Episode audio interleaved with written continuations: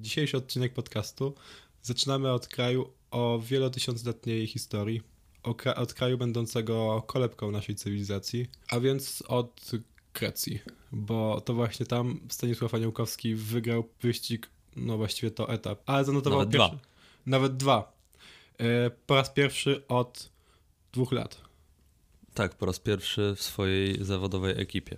Drugiej, bo w Bingolu niestety to się nie udało, ale. Choć teraz... wielokrotnie był blisko pokonania Marka Cavendisha i Jaspera Philipsena. Tak, i jeszcze Lionela Taminio w Dunkierce. Ale... A o takich ogórach nie warto wspominać. Ej, ej, ej. Szanujemy. Tak samo jak szanujemy wyścig dookoła Grecji. Chociaż trzeba przyznać, że Staszek wygrał te dwa etapy. Pokonał Juriego Leitao, bardzo szybkiego i utalentowanego zawodnika z Portugalii, który jest torowcem, a jak wiadomo, i to utytułowanym torowcem, a jak wiadomo, torowcy są szybcy zazwyczaj. Tak, Juri, Juri Leitao zresztą pokazywał, że jest szybki też na szosie, yy, choćby podczas Volta Algarve. Yy, nie wiem, czy w zeszłym sezonie, tego nie pamiętam, ale dwa lata temu na pewno. Był piąty wtedy na etapie, jeżeli dobrze pamiętam, a czwarty był Staszek. I tak. to była taka duża różnica wtedy jeszcze, że finiszowała czwórka i Staszek był czwarty, a, a ten piąty Leitao trochę stracił wtedy tak no, z kilka dobrych metrów. Ale teraz Leitao się trochę rozwinął i pokazywał też to w swoich y, poprzednich startach. No a dzisiaj wiemy, że wygrał wyścig dookoła Grecji, ale dwukrotnie y, musiał uznać wyższość Stanisława Aniołkowskiego i myślę, że te dwa zwycięstwa, chociaż stawka nie była imponująca, no trzeba to przyznać, że to był wyścig rangi 2-1, ale nie da się tego porównać do, do innych imprez y, w zachodniej części Europy, na przykład tej kategorii. No, no tak, ale był tam też Timothy Dupont, który e, kiedy obaj ze Staszkiem byli w Bingolu, no to Dupont był lep, tym, tym lepszym sprinterem minimalnie, który no tak, ale dostawał. Dupont wraca po kryzysie, jest kolarzem kontynentalnej ekipy Tarteletto e, i on wygrał też etap, to też należy zaznaczyć. Ale, ale... Staszek wygrał dwa. Tak, Staszek wygrał dwa, więc e, supermacja Polski. Polska lepsza od Belgii. Tam było pięć etapów, tak? Tak, znaczy prolog i, i cztery. No, okej. Okay. Czyli połowę sprinterskich etapów wygrał Staszek. Tak, dokładnie tak było. I no, bardzo się cieszę, że, że tak się to zakończyło, ponieważ myślę, że mimo właśnie tego, to do czego dążyłem, że mimo tego, że ta lista startowa była jaka była, to jednak taki sukces może dać Staszkowi dużo pewności siebie, tym bardziej, że te zwycięstwa były mu bardzo potrzebne. No tak, on zresztą mówił w tej powyścigowej wypowiedzi, że no, że czuję, że jakby coś, jakby coś przeskoczyło. E, no nie zacytuję w tym momencie dokładnego fragmentu, ale widać było, że, że okej, okay, że to jest wyścig e, no tak no raczej nie, nie, tej, nie z tej najwyższej półki i raczej w niewielu gorzej obsadzonych wyścigach Staszek startował w ostatnim czasie, ale no jego to za bardzo nie obchodzi, że on po prostu się cieszy, że wygrał. I, i właściwie to więcej rzeczy nie jest dla niego istotnych. No i, no i właśnie myślę, że to też był dobry wybór drużyny, albo nie wiem, Staszka, że on się znalazł w składzie na ten wyścig, bo po startach w trudnych klasykach, gdzie miał trochę pecha, tak jak już wielokrotnie mówiliśmy, no to naprawdę takie przełamanie jest bardzo potrzebne i też jestem przekonany, że jak teraz Staszek trochę odpocznie, bo następny start to są cztery dni Dunkierki, czyli ten sam wyścig, gdzie rok temu finiszował bardzo wysoko i ocierał się o zwycięstwa etapowe.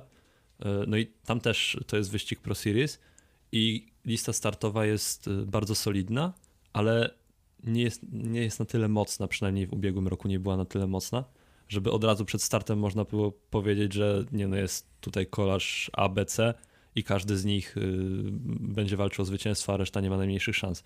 Więc y, to jest taki wyrównany poziom sprinterów właśnie na poziomie wyrównany poziom na poziomie Pro Teams i, i, i World Teams, także no tam też można spodziewać się po Staszku e, dobrych występów, szczególnie właśnie biorąc pod uwagę ten wyścig dookoła Grecji, gdzie no Staszek wtedy powiedział po zakończeniu, że wy, wygląda na to, że uwolnił swój potencjał. To miejmy nadzieję, że teraz e, pójdzie za ciosem i, i częściej niż o, e, niż o kolejnych przypadkach z udziałem Staszka, gdzie a to ktoś wywrócił się tuż, prze, tuż przed jego nosem, a to ktoś go zablokował w końcówce, e, a to coś jeszcze innego, bo nie wiem, czy, czy ten czy ten odcinek, w którym ja wymieniałem listę wszystkich nieszczęść Staszka, został w końcu wyemitowany, czy Na pewno czy, czy został, bo odkąd zaczęliśmy nagrywać, to żaden odcinek yy, inaczej. Każdy odcinek został wyemitowany, który nagraliśmy. Nie. E, sześć pierwszych nie zostało. Ale odkąd zaczęliśmy publikować. No tak, a to... bu- A to było już po. Okej, no to dobra. Więc tam na pewno to mogliście usłyszeć i dalej możecie, tylko nie wiemy w którym dokładnie. Więc Obstawiam, że to może być ten pierwszy. ja tego nie powiem, ponieważ trzeba zachęcić naszych słuchaczy do słuchania wszystkich odcinków, także możecie sobie sprawdzić. Najlepiej sprawdzać od końca, i znaczy od końca, od ostatniego odcinka i potem tak iść e, chronologicznie do tyłu. Teraz to E. by było najlepsze, ale wam zabierze trochę czasu i no, możemy wam zagwarantować, że ani w ostatnim, ani przedostatnim odcinku tej listy nie było. Tak, to akurat możemy zrobić z, dobro, z dobroci serca.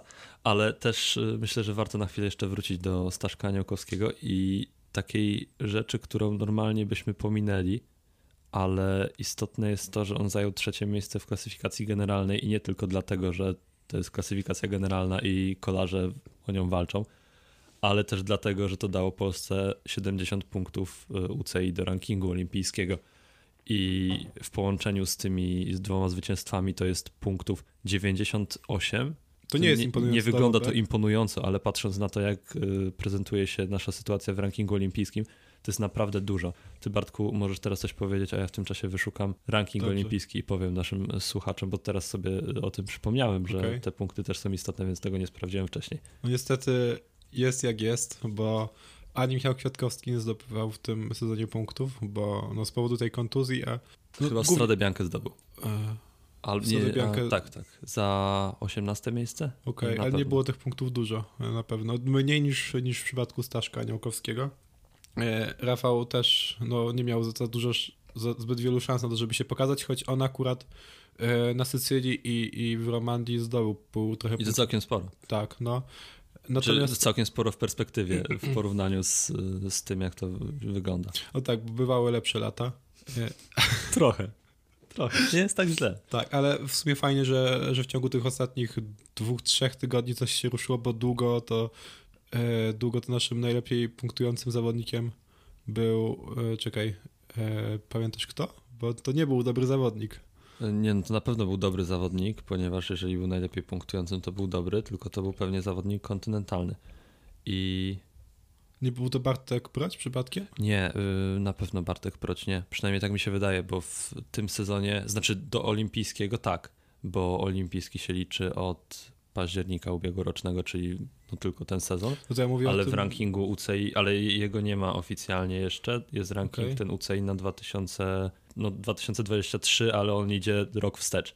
Więc y, w ubiegłym roku na pewno ktoś zdobył więcej punktów od Bartka Procia. Teraz to, aczkolwiek teraz należy podkreślić, że te sukcesy i, i dobre występy w sprintach, między innymi właśnie Bartłomieja Procia, no to utrzymują Polskę na tym miejscu, na którym jesteśmy.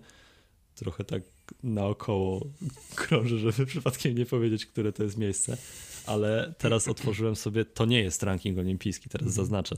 Otworzyłem ranking UCI, który dzisiaj został zaktualizowany i Rafał Majka jest najlepszym Polakiem. No tak, ale tam się liczą te, te zwycięstwa w wyścigu dookoła Słowenii. Tak, E, więc to jest trochę, No, to trochę zaburza, No, ale Amstel Gold Michała czwarty jest Szymon Rekita. Amstel Gold Michała Kwiatkowskiego już się nie liczy, co nie? Bo Nie liczy się, bo No, jeżeli wyścig tak. się odbył, to te punkty zostają kasowane. Tu w ogóle mam e, ciekawostkę, taką e, dygresję, po której być może przejdziemy do rankingu rzeczywiście olimpijskiego, a potem do rzeczy e, włoskich, bo sprawy włoskie też muszą zostać dzisiaj poruszone. Otóż w 2021 roku odbył się wyścig dookoła Tajlandii. To nie był ten wyścig, w którym startowało Mazowsze Serce Polski, ale wtedy był problem z pandemią koronawirusa i zmagania zostały przełożone bodajże najpierw z kwietnia na wrzesień, a potem z września na grudzień.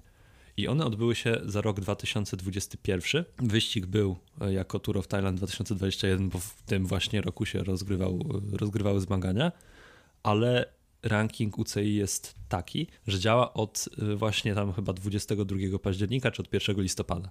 Jakoś tak. Więc y, punkty, które zostały zdobyte w wyścigach w listopadzie i w grudniu, przechodzą na rok kolejny, do rankingu kolejnego. I problem był taki, że kolarze, którzy ścigali się wtedy w Tour of Thailand, tam e, Bike Aid bardzo szalał i zdobywał te punkty razem z Lukasem Karstensenem i e, teraz mi wypadło nazwisko z głowy, przepraszam bardzo. Każdym razie Bike Aid zdobywał bardzo dużo punktów. No i później, 5 miesięcy później, w kwietniu, odbył się Tour of Thailand 2022. Wyszło na to, że Bike Aid również przyjechał na ten wyścig, ale przez to, że to były tak jakby dwie edycje jednego wyścigu w jednym cyklu rankingowym, no to tamten poprzedni się wykasował. I wszystkie punkty zdobyte w 2021 roku zostały usunięte z rankingu za 2022, y, mimo że powinny się do niego liczyć, bo wyścig się rozgrywał właśnie w tym cyklu rankingowym 2022. No i do czego zmierzam?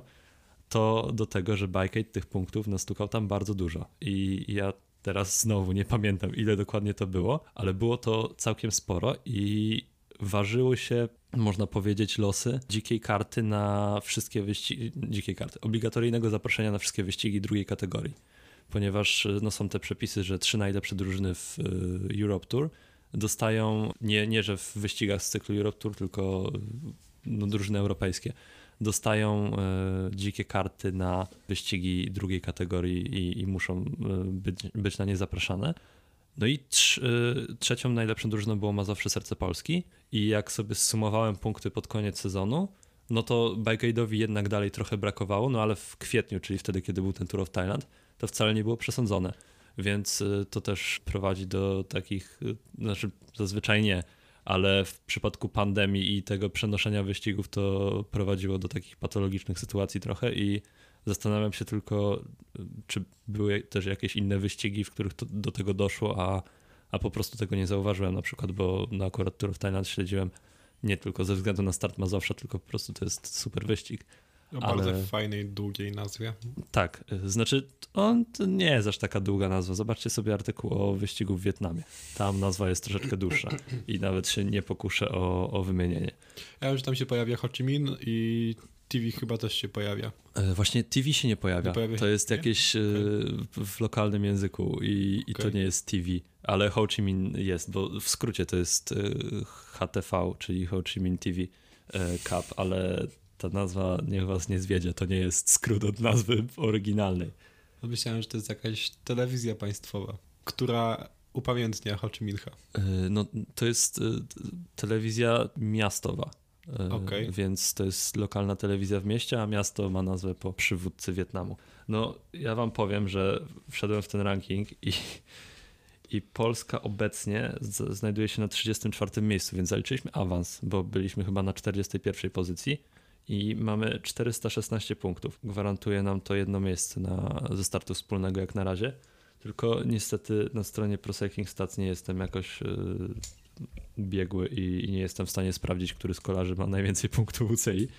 Natomiast yy, no, te punkty, jeżeli mamy właśnie 416 punktów, a Staszek zdobył 98, no to widać, że, że jednak yy, no, były to punkty bardzo potrzebne w tym rankingu i, i bardzo dobrze, że, że tak mimochodem może trochę Staszek zgarnął te oczka za klasyfikację generalną, bo no jednak generalki znacznie przewyższają etapy i, i bardziej opłaca się pod kątem punktów celować w generalkę, a nie w konkretny etap. No, Rafał Majka za dziesiąte miejsce w Tour de Romandie zgarnął punktów tyle samo, co Staszek za trzecie miejsce w Tour of Hellas, czyli 70. E, nie, przepraszam, 85. No to 15 więcej.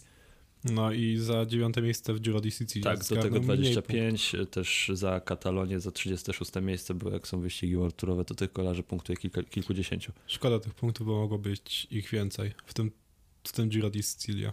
No, tam już, już też rozmawialiśmy, to akurat y, możecie sobie sprawdzić w naszej tygodniówce, która odbyła się po Giro di Sicilia, czyli pewnie jakoś 20... Gold Race. Tak, e...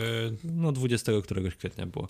Także y, sprawdzajcie, słuchajcie, a teraz y, nie wiem, czy mamy coś jeszcze do dodania na temat wyścigu dookoła Grecji? Nie, jedynie tyle, że ściskamy kciuki za dalsze zwycięstwa Stanisława Niałkowskiego, bo na pewno nam się przydadzą. I za polskie ekipy kontynentalne, bo Mazowsze tam startowało, Woster startował w Norwegii, gdzie Patryk Sor był czwarty, a Piotr Brzeżyn dziesiąty. I jeszcze za Wibatech też ściskamy kciuki, tak w połowie, za Polaków tylko ściskamy.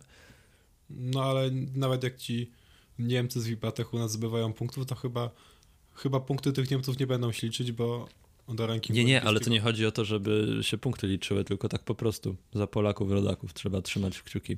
Dobrze, a, A jak Niemcy będą punktowali, jak Niemcy będą robili wyniki, to Polacy nie będą robili. nie no, ale jak Niemcy będą robić wyniki, to Wipatek będzie się rozwijał, a dzięki temu Polacy będą startowali w lepszych wyścigach. Załóżmy, że masz rację.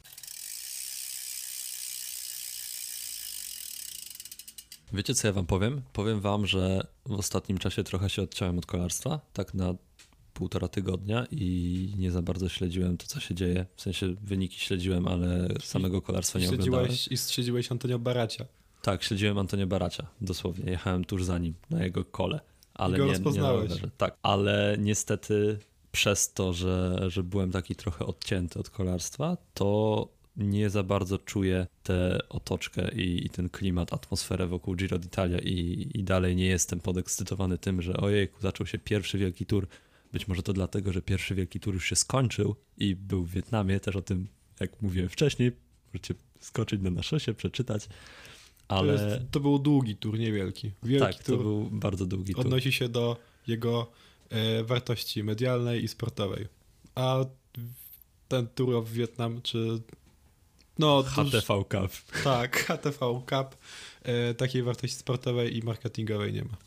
A tu się nie zgodzę akurat, bo oni mają transmisję z każdego etapu od startu do mety, jak y, Giro d'Italia na przykład. Do tego mają międzynarodową stawkę.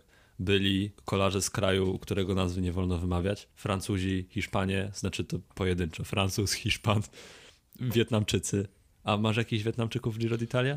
Mm, No nie masz. Nie, Nie masz. mam. No właśnie. Ale mam Chorwatów na przykład. E, tak? Jest jakiś E, Chorwat na czekaj, nie starcie? Chorwat, e, Serb, sorry. A no tak. Y, A Serb jest? E, no to Stojnić. A, no tak, ja myślałem o Rejowiciu, a Stojnic przecież tutaj zaznaczył swoją obecność. No i o Stojniciu zaraz z pewnością porozmawiamy bardzo długo, Nie, nie, nie. ponieważ Nie jego wczorajsza ucieczka to być może był najciekawszy moment tego Giro d'Italia, bo tak jak mówiłem, nie byłem jakoś y, podekscytowany tym wyścigiem. Moje zainteresowanie dodatkowo osłabiła ta czasówka, gdzie Remco Evenepoel zdominował rywalizację i ja się trochę już pogodziłem z tym, że jeżeli chodzi o zwycięstwo w klasyfikacji generalnej, to ta walka nie będzie jakaś bardzo zacięta, ale to jeszcze zobaczymy, bo do Rzymu, bo w tym roku wyścig się kończy w Rzymie, zostało jeszcze trochę kilometrów do przejechania, ale no te pierwsze etapy jakoś mnie nie porwały, chociaż no też ciężko by było, żeby tak się stało, bo no, No, różnych jest, możliwości nie było zbyt dużo, żeby coś się dzisiaj, jest, podziało. pi- dzisiaj jest pierwszy etap, na którym może coś się podziać, a do niego jeszcze przejdziemy i też raczej nie zadzieje się na nim zbyt dużo, ale po prostu są na to jakieś perspektywy. Natomiast e, mi się spodobało, spodobało do tej czasówce to, że okazało się, że jesteśmy większymi kolarskimi ekspertami od Vincenzo Nibelego. Bo pamiętam, no nie wiem, czy to był początek, czy środek tej transmisji e, z etapu i Adam Probosz cytował Vincenzo Nibelego, który mówił, że, że Primoz Roglic i Remco Evenepoel to na czas to są na bardzo porównywalnym poziomie. No i pomyślałem sobie, że to nieprawda. I to samo powiedzieliśmy e, w zapowiedzi naszej Giro Tak. d'Italia, że jednak Remco powinien, mimo tego, że Roglic jest naprawdę świetnym czasowcem, to jednak, e, to jednak Evenepoel powinien być od niego lepszy i trochę nad nim zyskać. To samo mówiliśmy też po, po Katalunii, że Remco Evenepoel będzie miał ten handicap podczas, podczas jazdy indywidualnej na czas i co się okazało? Mm, że nie doceniliśmy, ale nie doceniliśmy Evenepoela. I tak, mimo wszystko, bo on tych rywali zmiażdżył. No ja się spodziewałem, że on będzie nadrabiał tak sekundy nad Rogliciem na kilometr, a nadrobił dwie. I no właśnie to jest trochę śmieszne, bo to nie jest dużo, ale jak się potem to zbierze i złoży tak. na... y, Właściwie, właściwie to nad Rogliciem nie wiem, czy on nadrobił dwie, bo teraz tak rzuciłem, a on nadrobił więcej niż dwie sekundy. 43, 43 sekundy na ile to miało? Na, na 19. No, No to, to- trochę więcej niż dwie sekundy na kilometr. No ale trzech też nie nadrobił, więc trudno, żebyśmy Tak. tutaj podawali to w takich Ale- wartościach z 10 do dziesiątych sekundy. Dokładnie, ale no to, to jest naprawdę ogromna różnica na, na, tak, na takiej czasówce, tym bardziej, że przecież należy pamiętać, że za niedługo, no za kilka etapów kolarze będą się ścigali na ponad 30-kilometrowej czasówce i to płaskiej całkowicie, no tak lekko pofałdowanej, ale bez takiego podjazdu, jak był tutaj na przykład. No tak. Więc y, to również będzie działało przynajmniej w teorii bez tak jakby brania pod uwagę zmęczenia i, i wszystkich różnych czynników, które mogą się w wielkim turze złożyć na dyspozycję kolarza, no to Remco Evenepoel znowu będzie miał przewagę nad Rogliciem już na No, wejście, na, na, czasów, na, na starcie czasówki. Także i, i nad całą resztą, bo Tak. przecież Primoz Roglic aktualnie to nie jest najwyżej plasujący się faworyt y, w klasyfikacji generalnej. No, poza, nawet poza tym Evenepoelem, no bo jest przecież Joao Almeida, który, no właściwie to i, i Tao Gegenhardt, który w ogóle e, zaskoczył, w sensie Zresztą wiadomo było, że... traci trochę, bo on został po kraksie, No tak, ale, ale zaimponował bardzo. na czasówce, tak. To była rewelacyjna jazda, no przecież on pokonał Roglicia na czasówce, a Tao Gegenhardt, I Stefana, Wiemy. i Stefana Kynga. Tak, ale wiemy, że Tao Gegenhardt wygrał Giro po czasówce, ale też należy pamiętać, że to nie jest wytrawny czasowiec, to nie Ryder- jest czasowiec Ryder- pierwszej wody. Ryder Hesjedal też e, wygrał Giro po czasówce. A też nie był jakimś genialnym czasowcem, choć oczywiście, podobnie jak Tao Gegenhardt, był w tej specjalności całkiem dobry. No tak, ale no, no nie no, Remco Evenepoel knockout i też była... Filip Pogany z- znokautował, Tak. No, do, do Filipo, nad Filipą Ganną nadrabiał sekundę na kilometr. I to jest imponujące, to jest naprawdę imponujące i ciekawe jak to się będzie rozkładać w kolejnych czy dwóch czasówkach. Mam nadzieję, że tamta trzecia dojdzie do skutku, bo wciąż nie widziałem żadnej informacji na temat, czy oni zamierzają to przeprowadzić, czy nie. A może stwierdzili, że jak, jeżeli nie, nie mają w planach żadnej zmiany, to po prostu nie będą informować. Nie wiem, ja Ale to nie jest dobra strategia po tym, jak został zasiany ferment, że czasówka może zostać odwołana. pierwsza moja myśl po tym, jak, jak ta, in, ta informacja na temat e, odbycia się czasówki nie została nigdzie opublikowana, była taka, że oni wciąż nie doszli do żadnych e, ustaleń z, no, z tymi, To było chyba to- najgorsze rozwiązanie tak. z tych wszystkich. Tak, tak, tak. I po prostu cały czas liczą na to, że się to jednak uda zrealizować. Zna, historia zna takie przypadki w nieco mniejszych wyścigach, że do, do ostatnich chwil czeka się na to, żeby, że jednak może uda się dojść do porozumienia z tymi, z którymi trzeba dojść do porozumienia, żeby przeprowadzić etap. Natomiast chyba nie w tak dużym wyścigu, bo jakby się teraz okazało, że tej czasówki nie będzie, e, nie mówię, że wybuchł jakiś międzynarodowy skandal, że media z całego świata o tym mówiły, natomiast byłaby to bardzo duża kompromitacja. No i no byłaby też y, bardzo duża kontrowersja, tak jak mówisz, i, i bardzo duża szkoda dla wyścigu. Znaczy zależy z czyjej perspektywy, bo na przykład ci kolarze, którzy nie najlepiej sobie radzą na czas, by, byli pewnie bardzo zadowoleni z takiego obrotu sprawy. A nie wiem, właśnie nie mam pojęcia, bo ja myślę, że Droglic na takiej czasówce ma na przykład dużo większe szanse na pokonanie Evenepula. Zresztą, Ale ja mówię tutaj o, o takim kolarzu jak na przykład no Hugh Carthy załóżmy.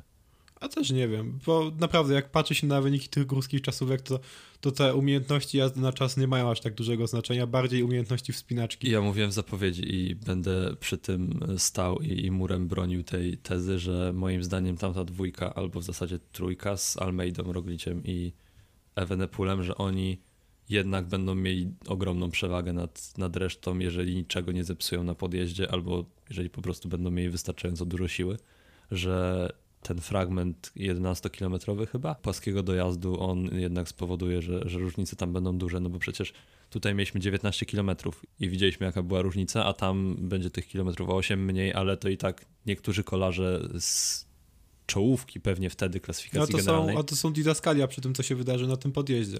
Tak, ale nie wydaje mi się, żeby, żeby byli w stanie nadrobić aż y, cokolwiek w sumie nad, nad tą trójką, tym bardziej, no bo to są też Generalnie bardzo, jest- bardzo mocni górale.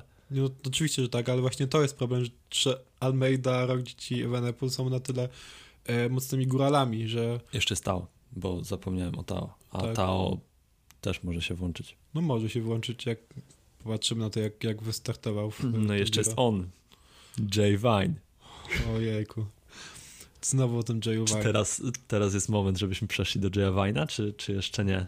Mo, może możemy, no. Okej, słuchajcie. Jay Vine y, został przedstawiony przez wielu jako jeden z czarnych koni. I właśnie to jest y, trochę zabawne. Że że wszyscy każdy- uważają to, jakiego Tao, Jaya Vine'a za czarnego konia tego wyścigu, a Tak, za przecież kolarza, który sprawi niespodziankę. to się kłóci z definicją czarnego konia. No właśnie wydaje mi się, że jeżeli się uważa kogoś za niespodziankę, znaczy, że potencjalną niespodziankę, jeżeli robi to każdy, to może znaczy, że to jednak jest jeden z pretendentów do zajęcia wysokiej pozycji, a nie w czarny koń? Tak. No właśnie też mi się tak wydaje, zwłaszcza, że nawet GCN powiedziało, znaczy któryś z ekspertów GCN powiedział, że widzi, na szczęście nie użył sformułowania czarny koń, tylko po prostu powiedział, że, e, że widzi go na trzecim miejscu w klasyfikacji generalnej. Ja go nie widzę, znaczy jestem sobie w stanie to wyobrazić, ale też raczej wydaje mi się, że, że nie będzie w stanie zająć trzeciego miejsca, ale uważam, że mimo tego, że nie ma żadnych przesłanek y, takich w postaci statystycznych wyników w wielkich turach Jaya Vayna, że on będzie w stanie powalczyć w generalce, bo nigdy tego nie robił, to uważam, że prawdopodobieństwo, że skończy w czołowej dziesiątce jest bardzo duże i no pokazał, ja to pisałem w artykule w cieniu faworytów, ale tutaj robię autoreklamy w podcaście, jedna, jedna za drugą. E, pisałem, że Jay Vine w Welcie pokazał w biegłym roku, że jest znakomitym góralem. Teraz pokazał, że jest bardzo dobrym czasowcem. I jeżeli się to wszystko połączy razem z wytrzymałością i też trochę szczęścia jest potrzebne, to, to myślę, że to się wszystko złoży na bardzo dobry występ w wielkim turze. Tylko wiesz, bycie dobrym góralem, a bycie dobrym góralem przez trzy bite tygodnie bez dnia słabości, to między tym a tym, jednym a drugim to jest gigantyczna przepaść. Oczywiście, dlatego wspomniałem o tej wytrzymałości, ale uważam, że jeżeli Jay Vine za co się bierze, to jest jak król Midas, tak? Czego nie dotyka, to się zamienia w złoto. I jak pojechał na etapy Vuelty, to te etapy zgarnął. Potem się skupił na czasówkach i teraz jest rewelacyjnym czasowcem. Przecież on miał taką pozycję czasową w, przed kilkoma dniami w czasówce, że się można było złapać za głowę, jaka ona jest rewelacyjna. W ogóle nie wiem, czy widziałeś go na prezentacji, ale on był tak wychudzony. To nie była wycieniowana łydka, to było wycieniowane ciało. I no ja wiem, że to zrobić? może pójść w dwie różne strony. Po kontuzji, po kontuzji. Kontuzja go trochę, trochę wymęczyła. Wiem, że to, to może pójść w dwie różne strony, bo jak będzie zbyt chudy, to też nie za dobrze ale, ale pokazał na czasówce, że akurat z tym, z tą częścią kolarskiego rzemiosła nie ma żadnego problemu, nawet będąc y, tak chudym, ale no naprawdę na zdjęciach wiadomo, że no, dało się go poznać, ale, ale nie wyglądał jak ten Jay Vine sprzed na przykład kilku miesięcy. Więc to jest zastanawiające, czy, czy on w górach na przykład się nie okaże najmocniejszy z górali. No nie wiem, znaczy dla mnie Jay Vine jest trochę przyhypowany, nawet nie dlatego, że coś mam do tego kolarza i nie dlatego, że nie dla, nawet nie Bo tylko Swift, Swift to jest gra komputerowa, a nie kolarstwo. tak. Jest, jestem kolarzem realnym, a nie wirtualnym, jakby to powiedział Peter Sagan. I nawet nie dlatego, że wcześniej nie pokazywał tego, że może być dobrym kolarzem wielkoturowym, choć ma już 27 lat, a to całkiem dużo Właściwie to w tym roku chyba skończy 28, jeśli dobrze pamiętam, ale no nieważne.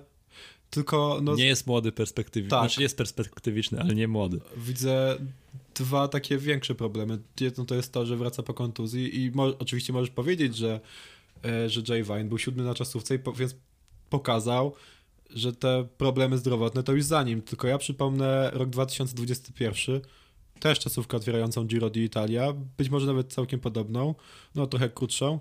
I wiesz, wiecie, kto był siódmy? Remco Evenepoel. Tak, on też wracał po kontuzji i, i też w sumie pierwszy tydzień miał całkiem udany, ale problem polega na tym, że później jak już zaczęło, zaczęło się to natężenie wysiłku takie duże, to on po prostu nie wytrzymał, choć, choć o nim wiemy akurat, że potencjał na wielkie tury, e, na jazdę o klasyfikację generalną wielkich turów ma i no, udowodnił to już teraz. To jest dobry argument, tym bardziej, że mają razem w ekipie, mieli Remco Evenepoel miał, Jay Vine ma, Joao Almeida, ale ja jednak uważam... I to i... jest właśnie ten drugi problem, że ma Joao Almeida, o którym też sam mówisz, że no on razem z Rogiciem i Evenepoelem może roz rozdawać w tym wyścigu karty. Tak, ale i tak uważam, że mimo tego Jay Vine jest w stanie znaleźć y, miejsce dla siebie w tej drużynie jako kolarza na generalkę, bo nie sądzę, żeby zapowiadał, że, że jedzie na generalkę, jeżeli Jeśli potem miałby pomagać Joao Almeidzie. Znaczy wiadomo, że w przypadku na przykład, jeżeli Joao Almeida będzie toczył walkę o zwycięstwo, no to raczej Jay Vine, który by zajmował, to oczywiście hipotetyczna sytuacja, miejsce ósme, no to pewnie by się mógł poświęcić ale, ale uważam, że dopóki żaden z kolarzy nie będzie miał jakiejś astronomicznej straty, to obaj będą równoprawnymi liderami, ale też nie powiedziałem jednej rzeczy, którą uważam i która musi wybrzmieć, ponieważ to trochę zmienia optykę, e, że ja nie będę zaskoczony, jak Jay Vine skończy 50 albo zrobi DNF-a. E, po prostu on jest, jest niewiadomą, jest zagadką i no, wszystko zależy od tego, jak y, sobie będzie radził na przestrzeni trzech tygodni, a tego w tym momencie nie wiemy. Natomiast y, wiem, że nie można go z góry skreślać, bo to jest kolarz, który wielokrotnie udowodnił, że no, lubi sprawiać niespodzianki i, i lubi pokazywać ludziom takie rzeczy w, w, górach, czy tam na czas nawet, o jakich nie pomyśleliby, że on, on jest w stanie dokonać. No tak, z tym się ewidentnie zdecydowanie zgadzam. Po prostu, no nie wiem, czuję taki dziwny dysonans, że z jednej strony w, znam te wszystkie, wiem, wiem o tych wszystkich rzeczach, które sprawiają, że Jackowi Wajnowi może być trudno o dobre miejsce w generalce, o takie naprawdę wysokie miejsce w generalce, bo nie mówię o powiedzmy miejscach 5-10. No też warto to zaznaczyć, też, że... To też, bo to też nie jest oczywiste, że uda mu się to nawet takie coś ugrać. Tak, no ale to jest ale... zupełnie, to są dwie pary kaloszy. Miejsce w top 5 na tak. przykład, a miejsce 10, bo przecież kolarze na 10 miejscu to potrafili tracić 25 minut do zwycięzcy. No tak, i potrafili tracić jeszcze więcej e, przed etapami przed etapami, e, na których ucieczki dojeżdżały do mety, a po nich no, tracić te 25 sekund, 25 minut, bo, bo akurat e, ucieczka została opuszczona i tak wskoczyli e, no, lekko fartownie do, do tej czołowej Niektórzy dziesiątki. to ucieczkami dali radę podium zrobić, jak Thomas Dehent na tak, przykład. Tak, to prawda, to prawda. No i z jednej strony jest, jest ta świadomość tych wszystkich e, tych wszystkich niedoskonałości i problemów Jaya Vina, a z drugiej to, że że cały czas słyszę o tym Jay Vine, czarny koń, Jay Vine naprawdę ma duże szanse na podium, Jay Vine to, Jay Vine tamto. No trochę mnie to irytuje, jeśli mam być szczery. No ja w sumie jakoś nie zwracam na to zbyt wielkiej uwagi. I... No bo to ty, to ty jesteś tak. jedną z tych osób. Ja nakręcam ten pociąg Hype Train, to wsiadajcie do pociągu, do Hype Trainu Jaya Vine'a, bo zaraz odjedzie.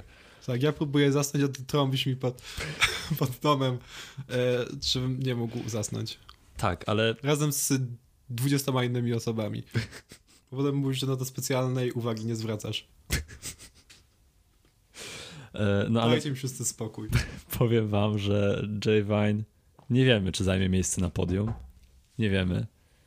I, ale Ben Healy, o którym mówiliśmy ostatnio, może raczej nie zajmie, ponieważ e, po tak, pierwsze... Ta, już ta czasówka pokazała, że jednak nie jest tak dobrym czasowcem, jak mogłoby się wydawać. Tak, on traci już dwie minuty, a po drugie, nie wiem dla kogo to był wywiad, ale w jednym z wywiadów po chyba czasówce, albo nawet przed czasówką pytano się go, to Ben, na generalkę jedziesz, tak? A mówi, to, nie, nie. Kto, kto, go pytał o tą generalkę? Nie mam pojęcia, bo to słyszałem z drugiego źródła, okay. ale, ale na pewno to nie było kłamstwo, tak rzeczywiście było. I być może to był GCN nawet y, i Eurosport, y, reporterzy, że pytali się go o generalkę, on powiedział, że nie, no nie. Co oni wszyscy mają z tą generalką? Nie, no to akurat warto było zweryfikować po tym, jak Pro Cycling no Stats no dobrze, nakręcił tak, wszystkich, tak. że Ben nagle będzie na podium.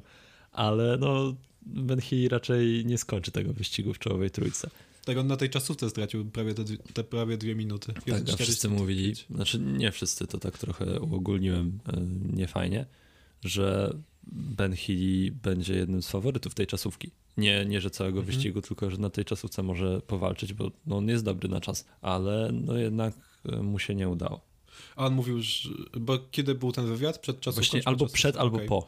Okej. Okay. E, no bo jakby to był wywiad przed czasówką, no to można by było też zweryfikować, czy on na pewno pojechał tą czasówkę na 100% możliwości, bo możliwe, że oszczędzał się przed kolejnymi etapami, które pasują mu pewnie bardziej, bo nawet jeśli Ben Healy rzeczywiście jest takim dobrym czasowcem, no, no jest niezłym, to wiemy, to raczej trudno byłoby mu wygrać. No nie, no to na pewno. Zwłaszcza z takim Evenepoolem. Z, z nim to mało kto by był w stanie wygrać. Nie Właściwie wiem, to czy... nikt. Był, byli najlep, najlepsi dwaj czasowcy Volta na świecie. No jeszcze Wołta nie było tylko, ale dwaj najlepsi czasowcy mimo wszystko chyba byli, bo Filippo Ganna i, i, I Stefan King. King. No, byli i no, nie mieli żadnych szans z Evenepoolem. No właśnie. No jeszcze Pogaczara nie było. Ale... A, no tak. Ale Pogaczar jest kozackim czasowcem, ale no nie wiem, czy, czy z Ganną i Kungiem można go zostawiać. No ja też nie wiem, ale czekam na pojedynek i ja wiem, że Giro się dopiero rozpoczęło, ale ja czekam na Tour de France 2024 z Pogaczarem i Evenepoelem i, i Winigo i jeszcze niech Roglic przyjedzie, Almeida. Chociaż Almeida to, jak tak patrzę na Almeida, to mi jest trochę go szkoda, bo on będzie do końca życia jeździł to Giro. On nie zostanie puszczony na Tour de France, chyba że w roli pomocnika. Albo jak I- zmieni zespół, może kiedyś zmienić zespół. No tak, ale A jak nie zmieni, to dlatego, że dostaje bardzo dużo pieniędzy od UAE Team, więc może nie ma co mu współczuć. Tak, ale on ma kontrakt do 2026 roku. Jeszcze trzy sezony. Przecież to jest bardzo dużo. On będzie miał wtedy 28 lat. Czyli w sam raz, żeby Aż nie do pomyślenia, że kiedyś w takim... Jean Almeida będzie miał 28 lat. Kiedyś w... Kiedyś e, właśnie w takim wieku zaczynało się e, walkę w wielkich turach. Tak, a wtedy Wy, już... Wyjście z, z cienia lidera i walka na własne konto. No to tak teraz zrobi João Almeida, tylko że wtedy będzie jeszcze 15 kolarzy, którzy teraz ścigają się w juniorze i W23, którzy będą pretendentami do miejsc w czołówce Ale nie, będzie prim, ale nie będzie Primoża Roglicia. Oj, tego bym nie powiedział. Ja powiem ci, że w mojej karierze w PCM-ie Jaguarem, chociaż teraz się zmienił sponsor na Tiso, ale, ale w mojej karierze mam już rok 2028 i Primoz Roglic dalej męczy rywali. I razem z Pogaczarem stanowią osi Jumbo Visma. No dobra, ale nie będzie Geraint'a Tomasa. Nie przegadasz mnie, że będzie w 2026. No nie, Geraint'a Thomasa to, to już może w przyszłym roku nie być. Właściwie to w tym on... go tak nie za bardzo jest. Ale nie, zobaczymy, no zajmuje szóste miejsce w generalce teraz. No dobrze, ale jest, myślę, że w górach zostanie zweryfikowany. No ale on mówił, że. A ja bym nie powiedział tak jak o Brytyjczyków nie można skreślać. Co jak ostatnio Okej. mówiłem o Cavendishu, jeżeli chodzi o sprinty, tak nigdy bym nie powiedział, że można postawić krzyżyk przy nazwisku Geraint'a Thomasa, że nie. On na pewno nie. Bo dba- taki krzyżyk stawiali włodarze Ineosu w ubiegłym roku. I on sam o tym mówił otwarcie w wywiadzie bodajże z Cycling News, że nie czuł, że, że czuł, że w niego nie wierzyli. I że ciesz, cieszył się, że pokazał im, że, że nie mieli racji i pokazał wszystkim, że, że wciąż jest w stanie włączać się w walkę o czołowe miejsce w wielkich turach, bo on przecież zajął trzecie miejsce w Tour de France. Ja bym z, przymruże, z przymrużeniem oka e, brał jednak tę deklarację Geraint'a Tomasa, e, że czuł, że włodarze w niego nie wierzyli, no bo takie poczucie potrafi być bardzo, e, bardzo mylące. Bo przecież no, ra- raz, że mógł po prostu taki, taki obraz sobie sam w głowie wykreować, żeby się zmotywować, żeby pokazać tym wszystkim włodarzom, którzy się nie znają na kolarstwie, że on jednak potrafi jeździć, a dwa, żeby po prostu może sam nie czuł się pewny siebie i, Być może, no tego, tego się nigdy nie dowiemy, ale myślę, że teraz jak już przeszliśmy do faworytów, to możemy się skupić na etapie numer 4.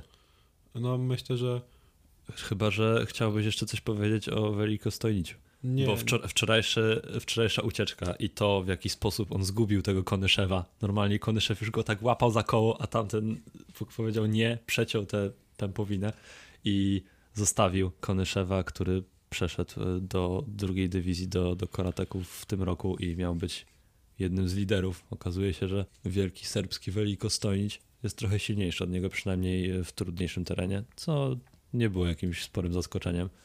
No i też ja bym chciał zwrócić uwagę na ten koratek. I to tak naprawdę, Okej. tak zupełnie poważnie, zupełnie szczerze. Ja wiem, że to są trochę partyzanci. W jednym z artykułów, kolejna reklama, artykuł o ubiorze i startach pod górę. Polecam, bo to akurat jest najlepszy artykuł, jaki napisałem w tym roku. Zgadzam się. I, I tam jest zdjęcie kolarzy Korateku rozgrzewających się pod kościołem Świętego Rocha, pod dachem kościoła Świętego Rocha w y, Rovereto, ponieważ w ich kamperze nie mieli tego rozwijanego dachu z materiałowego. Jako jedyna drużyna. Normalnie musieli szukać dachu, a dzień później się rozgrzewali pod lodowiskiem. Więc to jest troszeczkę ekipa odstająca poziomem y, od poziomem zarówno sportowym, jak i też y, finansowym od pozostałych, ale przynajmniej jak już ma tę dziką kartę, to stara się to wykorzystać, zabierają się w ucieczki. Pierwszego dnia był Gandin. Ka- każdy zespół włoski, który dostaje zaproszenie na Giro d'Italia. No właśnie dlatego o tym mówię, że nie. Bo Eolo można jeszcze usprawiedliwić. Eolo ma Albanezę, Albanezę się włącza w walkę o czołowe miejsce. Wczoraj był czwarty albo trzeci, więc i to był etap pod niego skrojony, także no nic dziwnego, że kolarze chcieli się skupić na tym, żeby mu pomóc. Ale co robi Bardiani w tym wyścigu? I to kolejny raz. Bardiani jedzie Ale po właśnie- miejsce w top 25 i i nie zabiera się w ucieczki. Nie zabrało się w Właśnie, ucieczkę na pierwszym zesz- etapie, na pierwszym ze startu wspólnego i na drugim. W zeszłym sezonie też tak było faktycznie, ale przecież oni później mimo wszystko w kilka ucieczek się zabrali i to w, takich ucie- w takie ucieczki, które rzeczywiście potem dojechały do mety, a ich kolarze walczyli kilka razy o zwycięstwo etapowe, więcej razy niż ci kolarze, którzy, niż te ekip, niż kolarze tych ekip, które, e, które w te ucieczki zabierały się na każdym etapie tylko po to, żeby pokazać koszulki. Jakby ja, dla mnie to jest zupełnie zrozumiałe, że, że masz po prostu większe ambicje niż to, żeby, żeby uciekać. I, No ja bym jednak wolał, żeby któryś z tych kolarzy powalczył o klasyfikację Fuga Bianchi na przykład, bo to też my się śmiejemy, ale to jest całkiem prestiżowa nagroda dla, dla tych drużyn i, i nie jest wcale tak łatwo ją wywalczyć. Ale bardziej prestiżowe jest jednak zwycięstwo etapowe. No tak, ale jedno nie, nie przeczy i, i nie wyklucza drugiego. Ale jedno może utrudniać drugie, bo jeśli zamęczysz swoich kolarzy na tych etapach, na których nie mają żadnych szans na zwycięstwo etapowe, to później będą mieli mieć mniej siły na te e, ważniejsze z ich perspektywy. No dobra, ale kolarzy w drużynie jest ośmiu, więc mogą się jakoś podzielić, żeby uciekali albo żeby chociaż próbowali, no bo to trochę przykre i też ja wiem, że to tak bardzo konserwatywne, to jest bardzo konserwatywne podejście, ale to jest trochę taki brak szacunku do wyścigu, tak samo jak kiedyś mieliśmy Tour de France 2021 albo 2020, gdzie kolarze nie zawiązali w ogóle ucieczki i Jérôme Cousin wystrzelił do przodu i powiedział, że chciał uszanować ten wyścig i, i właśnie też, poprzez obecność w ucieczce. była też taka edycja Giro, że jeden Japończyk tam miał na jakimś etapie 10 minut przewagi, na jednym etapie tak uciekał samotnie przez nie, nie pamiętam ile, ale dość to- długo i miał taką długą na, taką nie pamiętam. przewagę.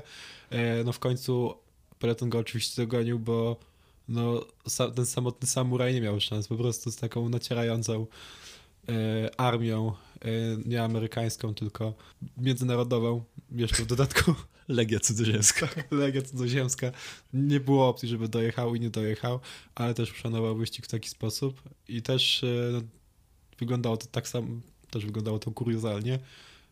Znaczy wczorajsza ucieczka nie wyglądała jakoś kuriozalnie, to Nie. była zwykła Tak, ucieczka. tak, tak, ale jak powiedziałeś że- o tym kuzynie. No tak, tak, tam to, to było mm, bardzo dziwne. Znaczy sam pomysł tego, e, Żeroma Kuzena, żeby uciec, to nie był jakiś zaskakujący, ale, bo on często lubi się zabrać w odjazd. No ale wszystko było dosyć absurdalne. A jak powiedziałeś o Japończyku, to ja sobie przypomniałem o Hirokim Nishimurze. Nie wiem, czy pamiętasz takiego gagatka, ale on Ten, co złapał limit czasu na w pierwszym etapie w No bo to był- 2019 roku. To był, to był chyba ten, ten wyścig, na którym ten drugi Japończyk, bo było dwóch Japończyków, jeden odpadł po pierwszym etapie, bo, bo nie zmieścił się w limicie czasu, a drugi potem uciekał. Być może chciał zmazać plamę na honorze Japonii. Ale to musi być tak smutne, dla, tak bolesne. Przygotowujesz się do wielkiego turu, do Giro, dostajesz szansę od ekipy. Jesteś jednym z ośmiu kolarzy, który został zabrany na ten wyścig i, i dostajesz limit na pierwszym etapie. I ja nawet nie mówię, że on był jakiś turbo słaby, bo mam wrażenie, że to jest y, taki rodzaj, być może nie wiem, jakaś presja, stres, nie mógł jeść na przykład ale że gdyby ukończył tę czasówkę, to pewnie z kilka albo kilkanaście etapów, albo, nawet może wszystkie, by przejechał, bo ta czasówka też była trudna pod kątem limitu czasu, bo to była pod górę w Bolonii na San Luce, ale no taka ciekawostka z, z 2019 roku, że był taki Japończyk. On jeździł w Nippo Vini Fantini. Tak, i ta ekipa po tamtym sezonie się chyba rozwiązała. Tak, bo oni zrobili fuzję z Delco, a potem Delco się rozwiązało samo Ojejku, sobą. no dwie, dwa zespoły z problemami. Ale kurczyły. nie wiem, czy wtedy oni też nie wygrali etapu przypadkiem. Nawet wiem, że to było wtedy, bo to był Damiano Cima i show ekipy Grupama FDŻ, która najpierw dogoniła prawie całą ucieczkę. Oprócz Damiano Cimy, który wjechał na metę tuż przed Pascalem Ackermanem, czyli drugim zawodnikiem. Arne Demar był ósmy albo dziewiąty i Arne Demar koncertowo stracił koszulkę cyklamenową na ostatnim płaskim etapie. Tak, ale potem Powetował to sobie. tak, powietował sobie to w Dwa dwóch razy. kolejnych edycjach Giro d'Italia, w których startował. Więc no, nie sądzę, że jakoś bardzo w tym momencie Arne Demar żałuje. Ale może nie o Arne Demarze. Tak, tak, Może o- przejdźmy do tego czwartego etapu, bo tak idealnie się wyrobimy Tak. na, w godzinę. I dzisiaj, dzisiaj będzie godzina tygodniówki. Pięknie. Ja będę bardzo szczęśliwy i wy też będziecie bardzo szczęśliwi, ponieważ im krócej, tak bardziej skondensowana forma, tym na pewno lepiej.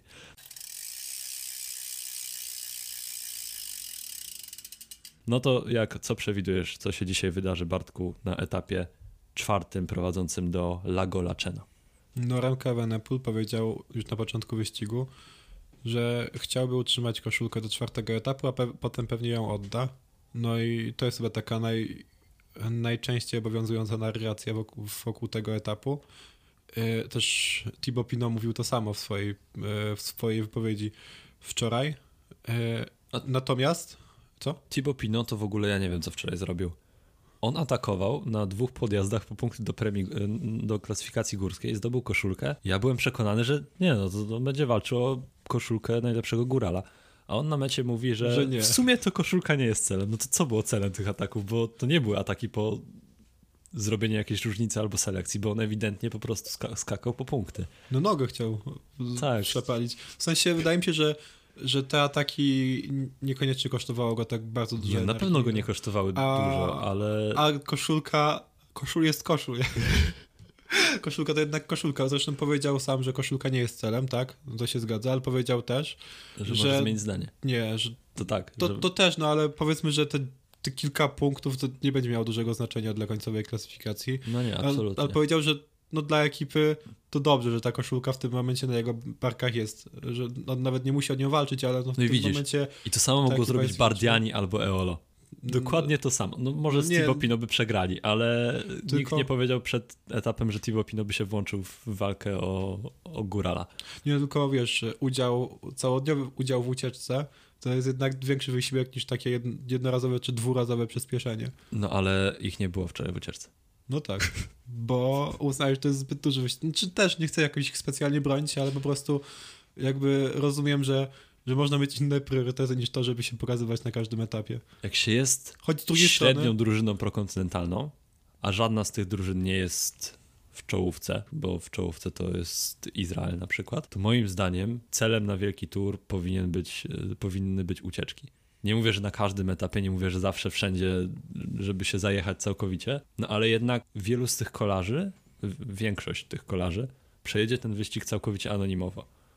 I nie sądzę, że wykonają oni jakąś niesamowitą pracę na rzecz swoich liderów, bo tych liderów nie ma dużo. Nie, wiesz to co, taki argument, który by mnie najbardziej przekonał, że jednak warto się zabierać w te ucieczki dnia, to to, że, że to nie jest tak, że, e, że organizatorzy Giro d'Italia nie mają komu dać dzikich kart na, na swoje wyścigi. No właśnie, przecież jest Tudor. No, Jest na przykład Tudor, tylko wiem, wiadomo, że to jest kwestia mm, państwowa i tego, że, że Tudor nie jest włoską ekipą, ale tak naprawdę to można by było tam zebrać taką paczkę, która by, nie dość, że wszyscy by mówili po włosku, cała y, obsługa i wszyscy kolarze, to jeszcze pewnie sześciu kolarzy, bo tam chyba jest sześciu Włochów, więc No. byłoby sześciu włoskich kolarzy.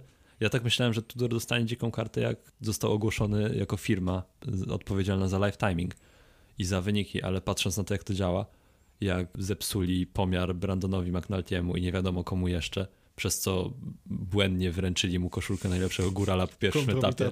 Tak, totalna kompromitacja, że się czeka na wyniki dwie godziny pełne, nie tylko top 10, że nie ma żadnego live timingów, tak jak w Tour de France w trakcie wyścigu, czy nie wiadomo, kto jedzie w, w grupie, no to to jest przy tym, co robił Tissot, to jest żenujące. I moim zdaniem, ja bym Tudorowi nie dał dzikiej karty po czymś takim. Ale jest, jest jeszcze Q36,5 na przykład. Tak. Też ekipa, która ma w swoim Ojejku. składzie mnóstwo. Ojejku. To teraz e, muszę sprostować. Ja totalnym farmazonem teraz poleciałem. Okej, w Tudorze nie ma Włochów. W Tudorze nie ma Włochów, a ja połączyłem te dwie drużyny, więc przepraszam bardzo, to nieprawda była. M- mój mózg nie działa najlepiej, ale, ale co nie zmienia faktu, że i tak ten ruch Tudora, że złożył propozycję pewnie Giro d'Italia, żeby został oficjalnym timekeeperem, nie wiem czy jak to się nazywa, w każdym razie to pewnie w perspektywie długofalowej miało zapewnić ekipie dziką kartę. Mam nadzieję, że tak się nie stanie i dostanie dziką kartę Q36,5. Spokojnie, e, Tudor jeszcze odkupi swoje winy. Nie sądzę, bo już to, to jest nie pierwszy raz. W poprzednich wyścigach RCS-u też były problemy. No cóż, e, sukcesy są fajne, ale to porażki najwięcej uczą. Mam nadzieję, że w końcu się nauczą. E, kolarze Kurczę, no i niekoniecznie kolarze, tylko Q36,5 mamy Waltera Calzoniego, Moskettiego, Sainoka, no, Karla Frederika Hagena. Dużo jest tych fajnych kolarzy. Nie no, przecież to jest ekipa, która jest o wiele lepsza od Eolo, no tak. od Bardiani i od każdej, tylko że to jest ekipa szwajcarska. No i to jest jest największy szwajcarskiej, problem. tak. No ale mają tam naprawdę, no nie mają sześciu Włochów chyba, albo siedmiu nawet. I do tego cała obsługa praktycznie mówi po włosku, więc... Część obsługi mówi też po polsku. Tak, część. Piotr Wadecki, Tak. z którym wywiad możecie przeczytać na naszosie. Nie, I mamy, mamy kolejną reklamę. A e, no nie, żadnego innego wywiadu niestety. Nie, no, chociaż był wywiad z tym taki. Kamilem Małeckim. e, Tak, ale to nie o nim mówiłem, bo mówiłem o Damienie Hołsonie, Okej. który wypowiadał się w artykule o ubiorze. Ale dobra, koniec. Dobrze, już- koniec. już Przejdźmy wystarczy, do wystarczy, czwartego etapu. Y, Wiemy, że Remco Evenepoel być może będzie chciał stracić koszulkę, moim zdaniem na pewno, bo on mówił też przed startem, że no, jego ekipa pokazała w Vuelcie, że był w stanie kontrolować wyścig praktycznie przez całą jego długość, bo Od szóstego etapu, Od szóstego no to- etapu. No ale jednak lepiej nie być tym liderem w wielkim turze i wiadomo, że to jest kwestia marketingowa i że to bardzo dobrze działa dla PR-u drużyny, jak ma koszulkę. No ale Patrick Lefebvre, któremu na tych marketingowych kwestiach zależy że pewnie najbardziej, choć jak patrzy się na jego wypowiedzi, to, e, to nie zawsze ma to swoje Jemu zastosowanie. to zwisa. Być może tak, no ale w teorii przynajmniej, tak hipotetycznie powinno mu zależeć najbardziej na tych kwestiach marketingowych. Powiedział, że Rem- Remco Evenepoel chce się pozbyć koszulki, ale, ale za to trener Evenepoela, któremu powinno zależeć najbardziej na tym, żeby Evenepoel stracił koszulkę, bo jednak e, jeśli chodzi o kwestie sportowe, to lepiej byłoby to zrobić, powiedział, że właściwie to utrzymanie tej koszulki po tym czwartym etapie też miałoby swoje zalety. Nie przekonał mnie za bardzo, muszę powiedzieć, że nie przekonał mnie, że, że te zalety są aż tak, aż tak duże, no ale mówił o tym, że e, łatwiej jest, dzięki temu łatwiej jest utrzy- utrzymywać się z przodu i potem reagować na jakieś ataki, e, ataki rywali. E, podał też taki drugi argument, e, zapomniałem już, był tak mało przekonujący, że po prostu go nie No, ten pierwszy zapamiętałem. też był mało przekonujący, Tak, bo na przykład tak. wczoraj Jumbo Visma cały wyścig przejechał z przodu, No tak. a nie miało koszulki. Dodatkowo codziennie lider musi być na kontroli antydopingowej w strefie mieszanej, czekać na dekoracje, No potem konferencja prasowa i wraca do hotelu dwie godziny po swoich kolegach. No tak, bo on tam mówił też, że, że kontrolowanie wyścigów w tym, No i w tym pierwszym, w tym, pier- wyścigu. w tym pierwszym tygodniu to nie jest jakiś duży problem, że być może na drugi tydzień rzeczywiście byłoby warto oddać koszulkę, ale jeszcze w, ale wtedy może, może odda, wtedy pewnie oddanie tej koszulki byłoby lepszą opcją i możemy się spodziewać, że wtedy, jeśli utrzyma Remco teraz koszulkę, to oddają na drugi tydzień. No ale to właśnie dochodzą do tego te kwestie, o których mówiłeś. Kwestie e, te już po zakończeniu etapu, te kontrole dop- antydopingowe, te wywiady i tak dalej. E, więc to wydaje nie mi się, jest to że proste. tak. A dodatkowo ten etap wcale nie będzie łatwy do kontrolowania, ten dzisiejszy. I nie wiem, czy oni będą chcieli tak bardzo się męczyć, żeby, żeby utrzymać ten peleton w ryzach, bo on się zaczyna dwoma podjazdami. To nie są jakieś trudne podjazdy, ale wiadomo, że na szosie, która prowadzi pod górę, zawiązują się mocne ucieczki. Tam No odjadą tylko ci kolarze, którzy będą mieli siłę, żeby się zabrać. To nie jest tak jak wczoraj, że po prostu dwóch korateków sobie odjedzie i, i pojadą. Tylko no tutaj będzie walka o odjazd, tym bardziej, że wielu kolarzy wczoraj straciło, y, mniej lub bardziej celowo. I dodatkowo, no wcale, jak jeżeli Remco Evenepoel będzie zamierzał oddać koszulkę, no to ta strata wcale nie musi się liczyć dla, dla zawodników chcących się zabrać w odjazd, więc nawet ci, którzy mają stosunkowo niewielką stratę, jak na przykład Ben Healy, mogą spróbować zaatakować od, od startu i, Nie, i zabrać się do mam nadzieję, ucieczki. to nie będzie tak, że Ben Healy zaatakuje, dojedzie do mety, nawet wygra etap e, i zostanie nowym liderem klasyfikacji generalnej i znów zacznie się gadka Jest o Benie. Healy. Pompowany. Ben Healy wygra klasyfikację generalną. Jak już Ala ma- Filip Już ma... w Tour de France koszulkę. 2019. Tak, tak. E, tak, 2019 to był. E, no, tak, tak będzie, ale no, ucieczka będzie dzisiaj bardzo mocna, moim zdaniem przynajmniej i, i też e, można spodziewać się ciekawych tak, no jak- rozstrzygnięć zarówno z przodu, jak i z tyłu, bo Jak, jak wszyscy spodziewają się tego, że e, dziś zostanie wyłoniony nowy lider wyścigu, no to wydaje mi się to całkiem logiczne, że ta ucieczka będzie mocna. No musi być mocna po prostu. tak, ale dodatkowo jeszcze warto będzie zwracać uwagę na to, co będzie się działo właśnie w peletonie.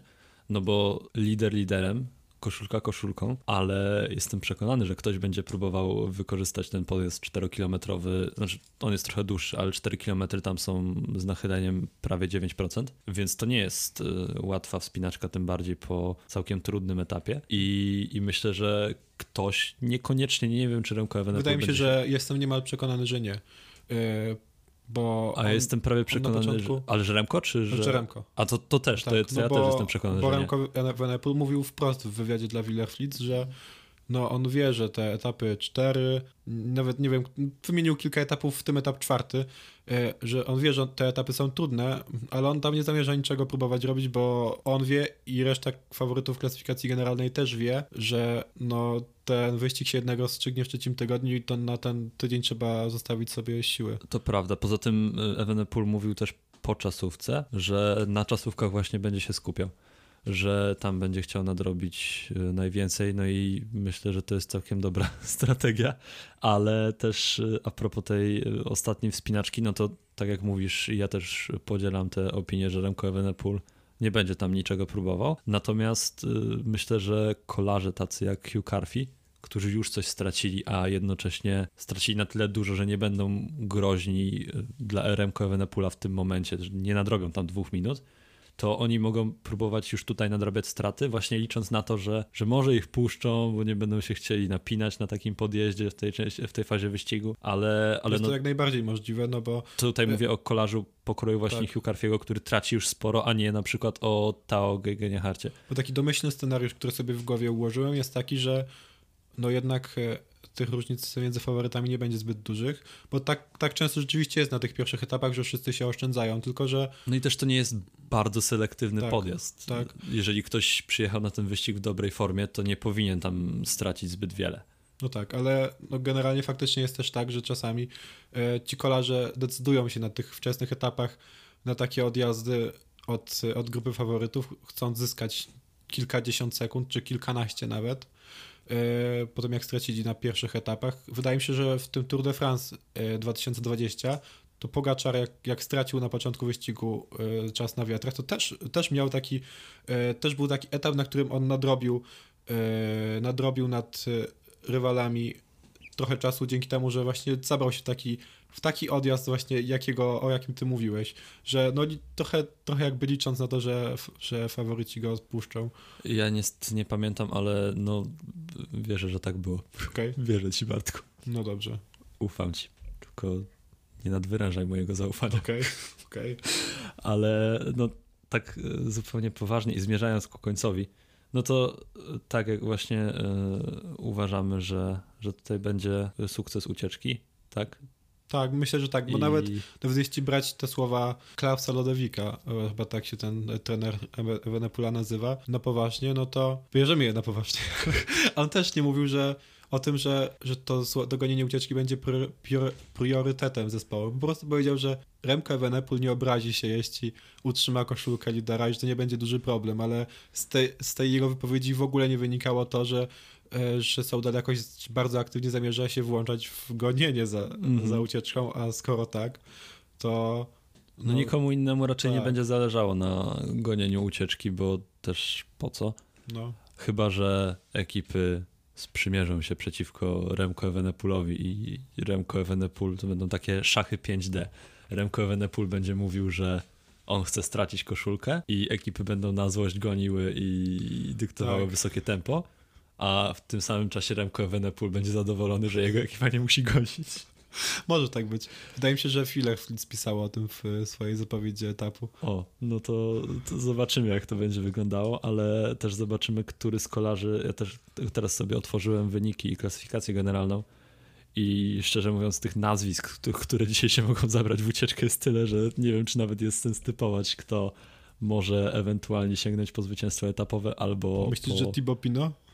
Myślę, że nie. Akurat. Ja też myślę, że nie, bo on, ja widziałem, że w jego kontekście coraz częściej mówi się o, o tych marzeniach klasyfikacyjnych. Nie wiem, czy on tak sam bezpośrednio powiedział po, po swoim wczorajszym występie, że, że liczy na to, że będzie, że będzie walczył w klasyfikacji generalnej. Pewnie nie o pierwsze miejsce, ale no powiedzmy jakieś miejsce w czołówce, ale na pewno ktoś w jego kontekście tak powiedział z osób związanych z zespołem. O, no to zobaczymy, jak, jak mu się uda. Ja dalej mam nadzieję, ja dalej wierzę w tego Thibaut Pinona y, Trecime. No to też jedno z drugim można połączyć spokojnie. Można, ale będzie ciężko. No. Ale w każdym razie, aha, jeszcze jedną rzecz chciałem powiedzieć, e, bo już będziemy zmierzać ku końcowi. Ale No. chciałem, tak jak o Benie im było, to sobie przypomniałem, No, że był jeszcze jeden pretendent, faworyt y, Giro d'Italia, tego Giro d'Italia.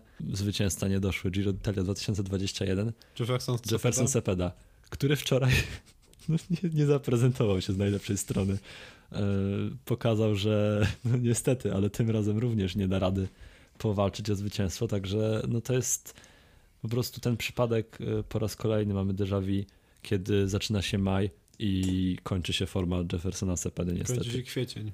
E, tak, kończy się najgorsze. kwiecień i, i Jefferson Cepeda, no na razie nie traci aż tak dużo, ale to już są 2 minuty 36 sekund, więc Sepku- ciężko, Sep, ciężko. Sepkus chyba też dużo stracił, ale akurat to nie powinno być jakieś duże zaskoczenie. Natomiast y, on stracił dużo y, na tym podjeździe z tego powodu, chyba że mu nie przeskakiwały Mhm. przerzutki. Jakieś problemy techniczne miał w każdym razie i tam próbował jakoś wrócić, ale ostatecznie się nie udało. No, więc y, nie wiem Bartku, coś masz do dodania jeszcze? Nie, nie, ile mamy już nagrania? Mamy wystarczająco, czekaj, sprawdzam, godzina 4. No to Idealnie, idealnie. idealnie. Myślę, że możemy zakończyć. Tak, to była tygodniówka, którą prowadzili dla was Bartek Kozyra. i Kacper Krawczyk. Wchodźcie na naszosie i słuchajcie nas na Spotify, Apple Podcasts, YouTubie i Google Podcasts. Do usłyszenia za tydzień. Ciao.